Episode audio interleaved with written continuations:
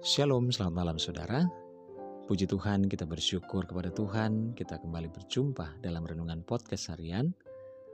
Malam ini Sabtu 15 Agustus 2020. Bersama saya, Yudhistira Daniel. Renungan pada malam hari ini berjudul Melalui Lembah Kelam.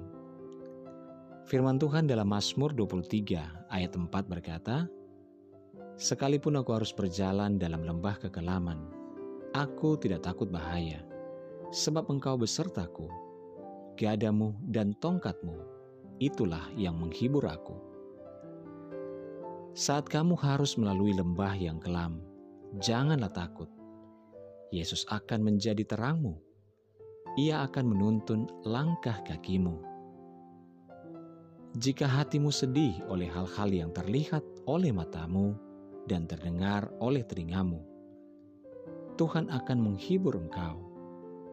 Tuhan tidak akan membiarkanmu jatuh pada kekecewaan. Tuhan tidak akan membiarkan hatimu terluka terlalu dalam. Semua orang pasti pernah mengalami masa-masa sulit. Namun, tidak semua orang memiliki Yesus di dalam kehidupannya.